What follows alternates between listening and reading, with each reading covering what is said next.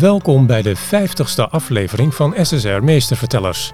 49 afleveringen lang proberen we met zeer uiteenlopende gasten stof tot nadenken te bieden over zaken die spelen binnen de rechterlijke organisatie. Voor deze 50ste aflevering richten we de blik naar binnen. Wat kunnen we zelf bijdragen? We vroegen Margreet Blaise en Remco van Toren, rector en conrector van SSR, om zonder voorbereiding naar de studio te komen en gaven ze een paar minuten voor deze opname een lijst met prangende vragen. Wat kunnen we van SSR verwachten de komende jaren? Lukt het wel om meer mensen op te leiden als docenten minder tijd hebben? En wat wordt er eigenlijk bedoeld met kwalitatieve herontwikkeling? Margreet en Remco waren dapper genoeg om de uitdaging aan te gaan en deze vragen spontaan, al improviserend, te beantwoorden. Nou, Margreet, wij hebben een uh, aantal vragen voorgelegd gekregen. Ik heb hier de eerste. En die luidt: Volgens het SSR-jaarplan kijkt SSR voor het komende jaar vooral naar de doelstellingen van de rechtspraak en het Openbaar Ministerie. En daarmee dan de vraag: Is de rol van SSR samen te vatten met U vraagt, wij draaien? Um, nou, voor een deel is dat natuurlijk zo. SSR is het opleidingsinstituut van OM en ZM. En natuurlijk sluit je in je opleidingsaanbod aan bij wat deze twee organisaties nodig hebben. Dat spreekt voor zich.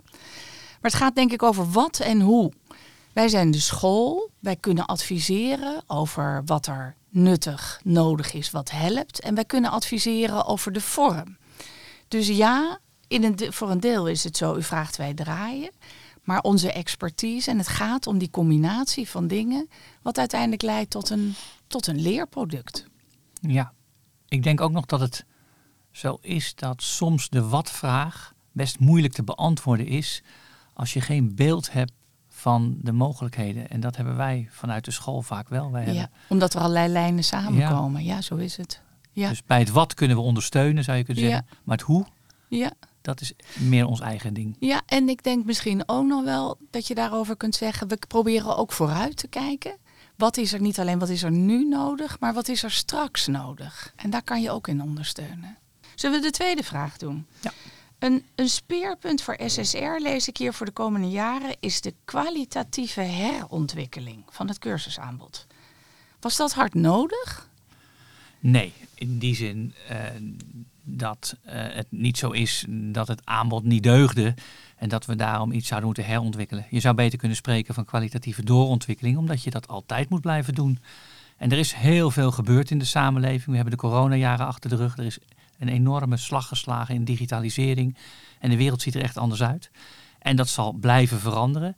En daarom moet je als SSR voortdurend ook je aanbod blijven aanpassen aan wat de moderne tijd vraagt. Dus ik, ik zou deze vraag niet willen antwoorden in de zin van, goh, zijn we iets aan het repareren? Maar meer dat het een uh, volstrekt natuurlijke gang van zaken is dat we blijvend ons aanbod blijven aanpassen aan wat wij denken dat nodig is, aan, een vorm die, uh, die past op wat mensen nodig hebben. Ja, en is het ook niet zo dat de lessen die we geleerd hebben in de coronatijd, hè, in die tijd waarin alles digitaal moest, dat we daar nu ja, naar een soort van 2.0 fase kunnen gaan. Dat we die lessen waar dat hè, zinvol is, ook gaan toepassen. En dat dat leidt tot een kwalitatieve herontwikkeling. Ja, en ik denk ook dat je dat ook wel een beetje ziet bij de medewerkers van SSR. Dat ze allemaal inmiddels de nodige ervaringen hebben opgedaan. Ja. En uh, ja, die ervaringen en die kennis die opgedaan is, die moeten we gewoon zo goed mogelijk gebruiken. Inzetten. In aansluiting op de uitvoeringsagenda van de rechtspraak en de beleidsprioriteiten van het OM heeft SSR ook tijdige rechtspraak en rechtsstatelijkheid tot speerpunt gemaakt. Hoe kan SSR bijdragen aan dit soort brede onderwerpen? Tijdige rechtspraak is natuurlijk een heel groot en belangrijk programma voor de rechtspraak. Hè. Hoe komen we tot een versnelling en ook tot een grotere mate van voorspelbaarheid? En wij kunnen als trainingsinstituut op een aantal onderdelen uh, ondersteunen. En dat is ook wat we doen. Denk bijvoorbeeld aan mondeling uitspraak doen. Dat is een hele mooie manier om die je kunt, hè, is een manier om in te zetten om te versnellen in uitspraken. Maar dat doe je niet van de ene op de andere dag. Uh, dus daar hebben we trainingen voor ontwikkeld. En een ander mooi voorbeeld is denk ik roosteren en plannen. Iets wat een onderwerp wat veel aandacht krijgt, om daar ook een versnelling toe te kunnen passen. Ook daarvoor zijn cursussen ontwikkeld. En dat zijn voorbeelden waarin SSR ondersteunend is aan dat programma tijdige rechtspraak. En dat is iets waar we ook nog verder in kijken. Waar kunnen we op andere punten uh, ondersteunen om hierin nou, bij te dragen aan die versnelling waar iedereen mee bezig is. Ja, en ik denk ook nog wel in de vorm, in het hoe omdat bijvoorbeeld door het inzetten van e-learnings maak je dat uh, het voor mensen makkelijker wordt om op hun eigen, uh, om in hun eigen tijd, door hun zelf gekozen moment, uh, kennis te nemen van bepaalde cursussen. het kost minder tijd, minder reizen. Dus ook in dat opzicht draag je in zekere zin bij aan het verminderen van, van de druk en en het toegankelijk maken van, van onderwijs. Je biedt kennis aan op het moment dat het nodig is. Ja, zeker. Hey, en die rechtsstatelijkheid, dat andere speerpunt? Ja, nou, wij hebben het daar vaak samen over gehad. We vinden dat uh, heel belangrijk. Zowel eigenlijk voor de, de OM'ers, de officieren van justitie, als voor de rechters. En dan met name ook in de zin dat we vinden dat het prachtige beroepen zijn. dat als je de kans hebt om officier of rechter te worden, dat dat een groot goed is, maar dat het aan de andere kant ook verantwoordelijkheid met zich meebrengt. Een vorm van noblesse oblige. Je maakt deel uit van de rechterlijke organisatie en daarmee heb je ook mede de taak om de rechtsstaat overeind te houden. Uh, voelt toch uh, als iets minder vanzelfsprekend dan tien jaar geleden, die rechtsstaat. Uh, heeft toch op meerdere plaatsen in de wereld wel wat aanvallen te duchten. En dan is het toch zo dat de rechterlijke organisatie ja, een bastion is, maar ook moet zijn om die rechtsstaat stevig te houden, om die overeind te houden. En het is belangrijk dat onze mensen in de opleiding eigenlijk die boodschap ook meekrijgen, zodat ze zich bewust zijn dat er op dat punt ook echt iets van ze verwacht wordt. Ja.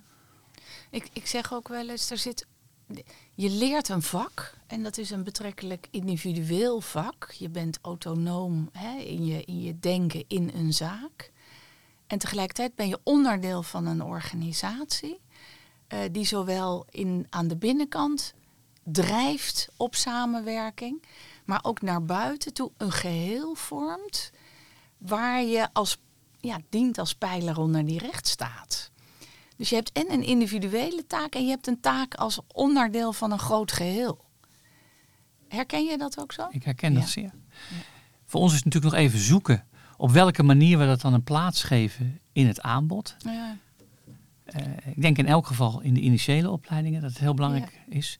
Maar op de een of andere manier moeten we dat ook op andere manieren ja, goed uh, naar voren laten komen. Zodat uh, dat, dat bewustzijn wordt versterkt. Ja, zeker. Dan komen we bij een ander type vragen. En de eerste is, de rechtelijke organisatie staat onder druk vanwege onder meer personeelstekorten. Maar onder de huidige generatie rechtenstudenten lijkt een keuze voor rechtspraak of OM geen voor de hand liggende carrière stap. Waar ligt dat aan en wat doen we daaraan? Ja, um, we hebben doordat wij een eis hebben dat je werkervaring moet hebben voordat je in de RIO en in de OJO-opleiding is precies zo, hè, um, heb je de directe overstap van de universiteit naar de rechtelijke organisatie, als je rechter of uh, juridisch of, uh, officier wil worden, is niet meer mogelijk. En dat is een keuze geweest waar veel voor te zeggen valt, maar we hebben er ook iets mee verloren, namelijk die verbinding. En daar gebeurt van alles aan. Onder andere uh, bijvoorbeeld de, het summercourt is een mooi voorbeeld. Dat is, nou, dat kent iedereen denk ik wel. Uh, dat is die uh, één keer per jaar. het summercourt voor mensen in hun masterfase kennis maken met zowel de ZM als de OM-kant.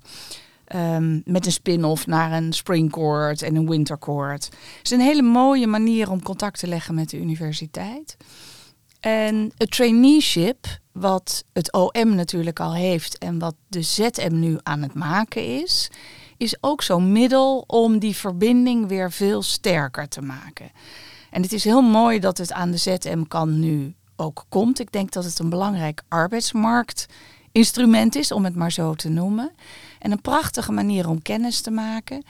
En nou, ik vind het ook nog wel interessant om na te denken hoe je de mensen die kennis willen maken met de ZM ook in verbinding brengt met het OM en vice versa. Hè? Misschien in de verre toekomst dat we ook nog eens kunnen nadenken over één traineeship, zowel voor de OM als de ZM. Maar laten we nu eerst maar starten met die ZM. Dat is mooi dat dat er nu komt. Ja, maar dat zou inderdaad ook zo'n gemengd traineeship arbeidsmarkt technisch gesproken hè, Ja. wel eens een, eh, eh, Een trekker. een trekker kunnen zijn. Ja. Want wij hebben allebei eh, natuurlijk bij het, het aftrappen van een nieuwe lichting trainees wel eens geïnformeerd Ja. of er belangstelling zou zijn voor zo'n gemengd traineeship. En dan bleek eigenlijk dat mensen, dat de meerderheid van de aanwezigen bij zo'n traineeship voor de mogelijkheid van zo'n gemengd traineeship zou hebben gekozen als de mogelijkheid had bestaan. Ja. Maar hij is er nog niet. Ja. ja. Nou, we gaan eh, aan de slag met dat traineeship. Ehm, er is nog een vraag over, en dat gaat dan over initiële opleidingen. De opleiding tot rechter of officier. hè. Dat is een belangrijk, dat, dat is, vraagt veel van de energie, is een belangrijke bestaansreden van SSR, staat hier zelfs. Kunnen wij als SSR de kwaliteit van die opleidingen garanderen, blijven garanderen als de hele samenleving roept om sneller, meer mensen, tekorten? Ja, ik denk dat wij allebei wel begrip hebben. Wij komen natuurlijk uit rechtspraak en OM. Voor die roep om snel goed opgeleide mensen te kunnen inzetten. De, eh, de tekorten zijn flink. En vanuit eh, die optiek is het helemaal niet vreemd dat mensen denken: Goh, eh, kan het een tandje sneller? Want we hebben die mensen heel hard nodig en we willen ze in kunnen zetten. En dan vind ik het eigenlijk ook een hele natuurlijke rol van SSR als school om een beetje de bewaker van de kwaliteit te zijn. Ja. Wij, eh, wij staan aan die kant. Wij moeten een beetje tegenduwen en zeggen ja, natuurlijk, wij snappen dat het snel moet, zo snel mogelijk. Maar uiteindelijk is er wel een kwaliteit die we moeten leveren. Ehm, daar hebben we allemaal uiteindelijk eh, belang bij. We denken zelfs dat eh, als je dat niet doet, dan krijg je daar op de lange eh, termijn enorme spijt van. Is Benoeming voor het leven, hè? Ja, Ja. precies. En, en bij officieren in de praktijk vaak ook. en, dus het is heel belangrijk om die kwaliteit te blijven borgen. En het is geen onnatuurlijke rolverdeling dat die, die kwaliteitsbewaking ook echt bij SSR wordt, eh, wordt gelegd en verwacht. Ik denk dat mensen het ook niet raar vinden dat wij daar op blijven hameren. En daar moeten we ook stevig in staan. Ja, en er zit nog een element aan, want die initiële opleidingen, net als al onze opleidingen, ehm, het is altijd voor en door. Hè? Dus die opleiding krijgt zijn vorm met collega's uit de praktijk. En ook daar zit een zeker spanningsveld. Opleiding vraagt veel ehm, eh, menskracht. En die menskracht komt voor een belangrijk deel weer uit de parketten en de gerechten. Ja, wat dat betreft is er een enorme verwevenheid Ja. eigenlijk. Ja, zo is het. Ja. Ehm, heeft SSR als opleider van de medewerkers van de rechtspraak in het OM ook een verantwoordelijkheid op het gebied van diversiteit en inclusie? Ja, ik denk het wel. eh, in de eerste plaats als opleider van magistraten, waarvan je mag verwachten dat ze in hun werk eh, ja, zoveel mogelijk eh, ook rekening houden of misschien zelfs tegenwicht bieden aan hun eigen vooroordelen. We weten dat het voor mensen eigenlijk haast niet mogelijk is om helemaal zonder vooroordelen te zijn. Maar je kunt je er wel van bewust zijn en je kunt er wel proberen op in te spelen, rekening mee te houden. En in een samenleving die steeds gekleurder wordt, in mijn ogen daardoor ook steeds leuker en interessanter. Maar we zijn er nog niet helemaal op ingericht om iedereen dan ook echt gelijke kansen te geven en echt gelijk te behandelen. Ik denk dat wij in de opleiding eh, mensen zoveel mogelijk moeten outilleren, zoveel mogelijk eh, in staat moeten stellen om eh, in hun, ma- de uitoefening van hun magistratelijke taak eh, dit wel zo goed mogelijk te doen. Dus ik, ik denk in de eerste plaats dat we daar inderdaad een taak hebben. Ja. ja. En zit er niet ook een taak, een heel belangrijk element in het kunnen doen van je werk als medewerker van die rechtelijke organisatie, is dat je kan samenwerken met iedereen. En ook dat is, en dat is ook iets wat bij SSR natuurlijk speelt. Dus hebben we daarin ook iets te doen? Of de competentie samenwerken? Ja, die moet je sowieso hebben. Of die, Ja, hè? Nou, ja, ik ben natuurlijk met je eens dat je met iedereen moet kunnen samenwerken. Maar ik koppel dat zelf nog niet eens zo aan inclusiviteit. Ik denk dan zelf eerder ook aan legitimiteit. Ja. Van, eh, ja, als je in een samenleving eh, je werk doet die zo divers is, dan moet in een vak zoals wij dat hebben toch ook wel eh, die diversiteit herkenbaar zijn in de samenstelling van, ja, van rechtbank of eh, eh, officieren of eigenlijk helemaal het personeel. En ik vind ook wel dat we daarin zelf als school dat moeten voorleven. Ook onze school moet dan laten zien dat het zelf eh, eh, die, die, eh, die samenstelling kent waar, waar eigenlijk alles in zit. Nou ja, en we weten toch ook naarmate je groep diverser is, dat komt ten goede aan het gesprek, aan de kwaliteit van de besluitvorming. Dus willen wij als SSR hè, het, ehm, het, het maximale uit onze mensen halen en, en een goede organisatie zijn, dan willen wij ook inclusief zijn. Dan willen wij divers zijn. Ja. Ja. Ja, dus we moeten het ook niet zozeer eigenlijk benoemen als een soort must. Nee, Maar ook iets als gewoon... We- wat- we wat- willen we dat. willen dat, omdat het ook gewoon geweldig veel oplevert. we willen dat. Nou, dan heb ik hier, dit is een hele leuke vraag. Welke zitting of welke zaak heeft je blik op je werk veranderd? Ja, dat is inderdaad een leuke vraag. Ik, eh, ik moet dan denken aan een, zaak eh, die ik lang geleden had in Zutphen. Er was een vrachtwagenchauffeur en die was in Spanje aangehouden met hashish. En hij was eh, daarvoor veroordeeld eh, en terechtgekomen in een Spaanse gevangenis. En daar had hij al 2,5 jaar gezeten. En toen was er een wet, de WOTS, de Wet Overbrenging ten Uitvoerlegging Strafvonnissen. En die bood de mogelijkheid om een straf uit te zitten in het land waar je vandaan komt.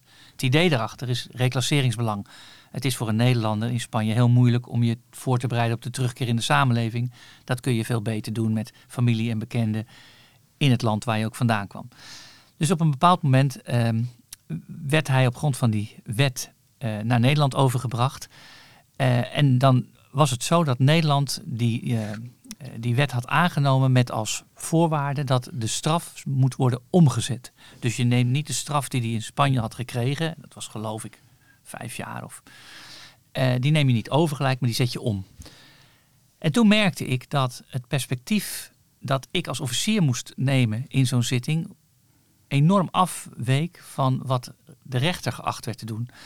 Want voor mij was het van belang dat eh, de Spanjaarden ook in de toekomst zouden blijven meewerken aan het tenuitvoerleggen van die wet. Dus dat ook toekomstige verdachten in soortgelijke situatie de mogelijkheid kregen om in Nederland het restant van hun straf uit te zitten. Want ze, zijn niet, ze waren daartoe niet verplicht als autoriteiten. En die vrachtwagenchauffeur had ook tegenover mij zijn verbazing uitgesproken over het feit dat hij het al een aantal keer gevraagd had, maar die Spaanse autoriteiten niet meegewerkt hadden en plotseling wel. Dus ik heb op die zitting gevraagd om hem nog een tijdje in de gevangenis te laten zitten. Om op die manier naar de Spanjaarden toe te laten merken van nou, we nemen de straf die jullie hebben opgelegd, want hun rechtsorde was geschaad, omdat we die serieus nemen. Maar de rechters kijken naar het individuele geval. Die kijken naar of het rechtvaardig is om in dit specifieke geval deze vrachtwagenchauffeur nog langer te laten zitten voor iets waarvoor hij in Nederland sowieso nooit 2,5 jaar zou hebben Mm. gezeten. Dus uiteindelijk is hij onmiddellijk vrijgelaten. En dat snapte ik heel goed. Ik snapte heel goed de afweging van de rechter in deze zaak. En tegelijkertijd dacht ik, ja, maar zo is de wet niet bedoeld. En hoe gaat dat dan in de toekomst? Gaat Spanje dan nog wel meewerken? Dus ik vond dat een heel grappig verschil in onze, onze rollen als officier en als rechter. De, de- jij keek naar toepassing in de langere lijn. Ja, En de rechter keek naar toepassing in, in in, dit het concrete geval. geval. En dat was, is volgens mij ook precies hoe het bedoeld is. Ja. Dus dat is, Ja. dus ik vond het mooi. Mooi. En jij? Ja, ik moet meteen. Ja, er schiet dan van alles door mijn hoofd, maar er blijft één zaak hangen. Ehm, en dat was een, een, een kwestie die ik als eh, civiele rechter kreeg te beoordelen. En qua feiten was het helemaal niet ingewikkeld. Eh, en juridisch was het al helemaal niet ingewikkeld. Want wat was er aan de hand? Er was een meisje die had geld geleend of gepind of geleend ook. En uiteindelijk best nog wel een fors bedrag. En ehm, dat moest ze terugbetalen. Dus de bank vorderde terugbetaling van dat bedrag. Nou, klaar. Er was geen enkel reden waarom ze dat niet zou moeten terugbetalen. Maar wat bleek er nou ter zitting? Ehm, zij had dat geld opgenomen en gepind. Ze had er een paar maanden over gedaan en zo dus verzameld. Op verzoek van haar vriendje. En dat vriendje was eigenlijk een soort van loverboy. Die had op die manier een flinke som geld bij elkaar gekregen van dit meisje. Um, meisje was overigens wel meerderjarig. Um, en was er vervolgens met het geld vandoor gegaan. En nou, dat meisje moest dat natuurlijk opbiechten aan de ouders. En nou ja, je kan je voorstellen, gezinsdrama gewoon. En het was ook echt, ouders waren mee. En het was ook echt, nou, buitengewoon verdrietig. En wat, waarom bleef het me nou zo bij? Omdat het, ja, juridisch was dit totaal niet interessant. Dus als rechter en het nemen van een beslissing niet interessant. Maar het gesprek op zitting, waarin die mensen hun verhaal konden doen en waarin de medewerker van de bank ook echt ja, begrip toonde uh, voor, voor het leed ook wat hier was ontstaan en het faciliteren van dat gesprek. Nou, dat, dat was eigenlijk je belangrijk, was mijn belangrijkste rol op dat moment. En dat, nou, dat vond ik wel een heel mooi voorbeeld van ja, wat is, soms is je taak als rechter om te beslissen. Soms heb je juridisch echt niets interessants te doen. Maar heb je een hele andere rol en weet je tegelijkertijd dat je het niet kan oplossen. Nou, vond ik dat dat is wat, wat een rechterlijke uitspraak soms ook is. Hè? Ja. ja, maar toch mooi dat je dan op een andere manier wel iets kunt bijdragen. Nou, het, het eind van het liedje was, er moest gewoon betaald worden. Ik geloof dat de bank zijn empathie heeft gegoten in de vorm van een afbetalingsregeling. Maar het feit dat er begrip was, was al heel belangrijk. Ja, ja, ja daar denk ik aan. Komen wij bij de laatste ja, vraag. Ja, de laatste vraag. Het bestuur van SSR bestaat per definitie uit één bestuurslid van de rechtspraak en één vanuit het Openbaar Ministerie. Zijn jullie anders naar de andere kant gaan kijken nu jullie als gezicht van SSR de ontmoetingsplek bieden? Ja, dat is een hele leuke vraag. Uh, en ik, ik las hem eigenlijk in twee, in twee varianten. Uh, want ik kom natuurlijk van een gerecht en werk nu voor een centrale dienst. Een dienst die werkt voor alle gerechten. Dus er is ook al een andere kant in de zin van al die gerechten met allemaal hun, hun eigen bijzonderheden. En dat vind ik al heel interessant om te zien, want je ziet hoeveel goede dingen er op verschillende gerechten gebeuren. En daarmee zie je dus ook de mogelijkheden om een aantal van die goede dingen veel breder verder te brengen. Dus dat stuk andere kant zag ik een beetje. Maar zoals het hier is geformuleerd, gaat het natuurlijk over wat zie ik als ZM'er nu ik wat meer van de OM kan zien. En dat, dat, uh... dat, vind ik een, ook een enorme verrijking, moet ik zeggen. Omdat um, bij het OM gaan dingen anders. Sommige dingen anders, sommige ook niet. Uh, tegen sommige dingen wordt anders aangekeken. En het enkele feit dat dat er is, die mogelijkheid, of dat hè, de enkele wetenschap dat een andere organisatie er anders naar kijkt, geeft ruimte in je hoofd. Uh, ik zie soms dingen waarvan ik denk, oh, hadden we dat bij de ZM maar ook? Of omgekeerd, dat ik denk, nou. Dus ja, het, het verruimt het beeld heel erg. Ja, dat herken, herken ik. je dat? Ja, enorm. En ik vind het soms ook heel grappig, omdat uh, de cultuurverschillen tussen rechtspraak en openbaar ministerie kunnen best groot zijn. Maar ik vind met name in deze tijd, waarin we allemaal toch wel behoorlijk in onze bubbel zitten en heel veel gelijkgestemden om ons heen hebben en veel bevestiging krijgen van wat we toch al vonden, dan is het zo belangrijk om in een omgeving te zitten waar je ook andere perspectieven tegenkomt en ook eens tegengesproken wordt en ook eens op een manier een discussie voert waarbij je echt verschillend kan denken over bepaalde zaken. En niet voor niets dat wij er voorstander van zijn om in cursussen vaak ook uh, de groepen samen te brengen. Soms ook zelfs graag met de balie. Dat mag niet altijd. Maar soms kan dat ook weer juist een heel ander gezichtspunt opleveren. Ja. En zeker in deze tijd vind ik dat van enorm belang. En echt een, uh, een verrijking. En ja. zo ervaar ik dat ook. Ja. ja. Ja, en die verschillende perspectieven die moeten, die komen ergens samen. Hè? En wat dat betreft is SSR staat ook mooi in de vraag eigenlijk. Is een ontmoetingsplek. Daar komen mensen van parketten, van gerechten, uh, al dan niet gemengd komen samen. Daar komen verschillende perspectieven samen. En dat vind ik ook eigenlijk zo'n mooie rol van SSR. Dit was SSR Meestervertellers. Blijf op de hoogte en abonneer je op deze podcast. Graag tot de volgende keer.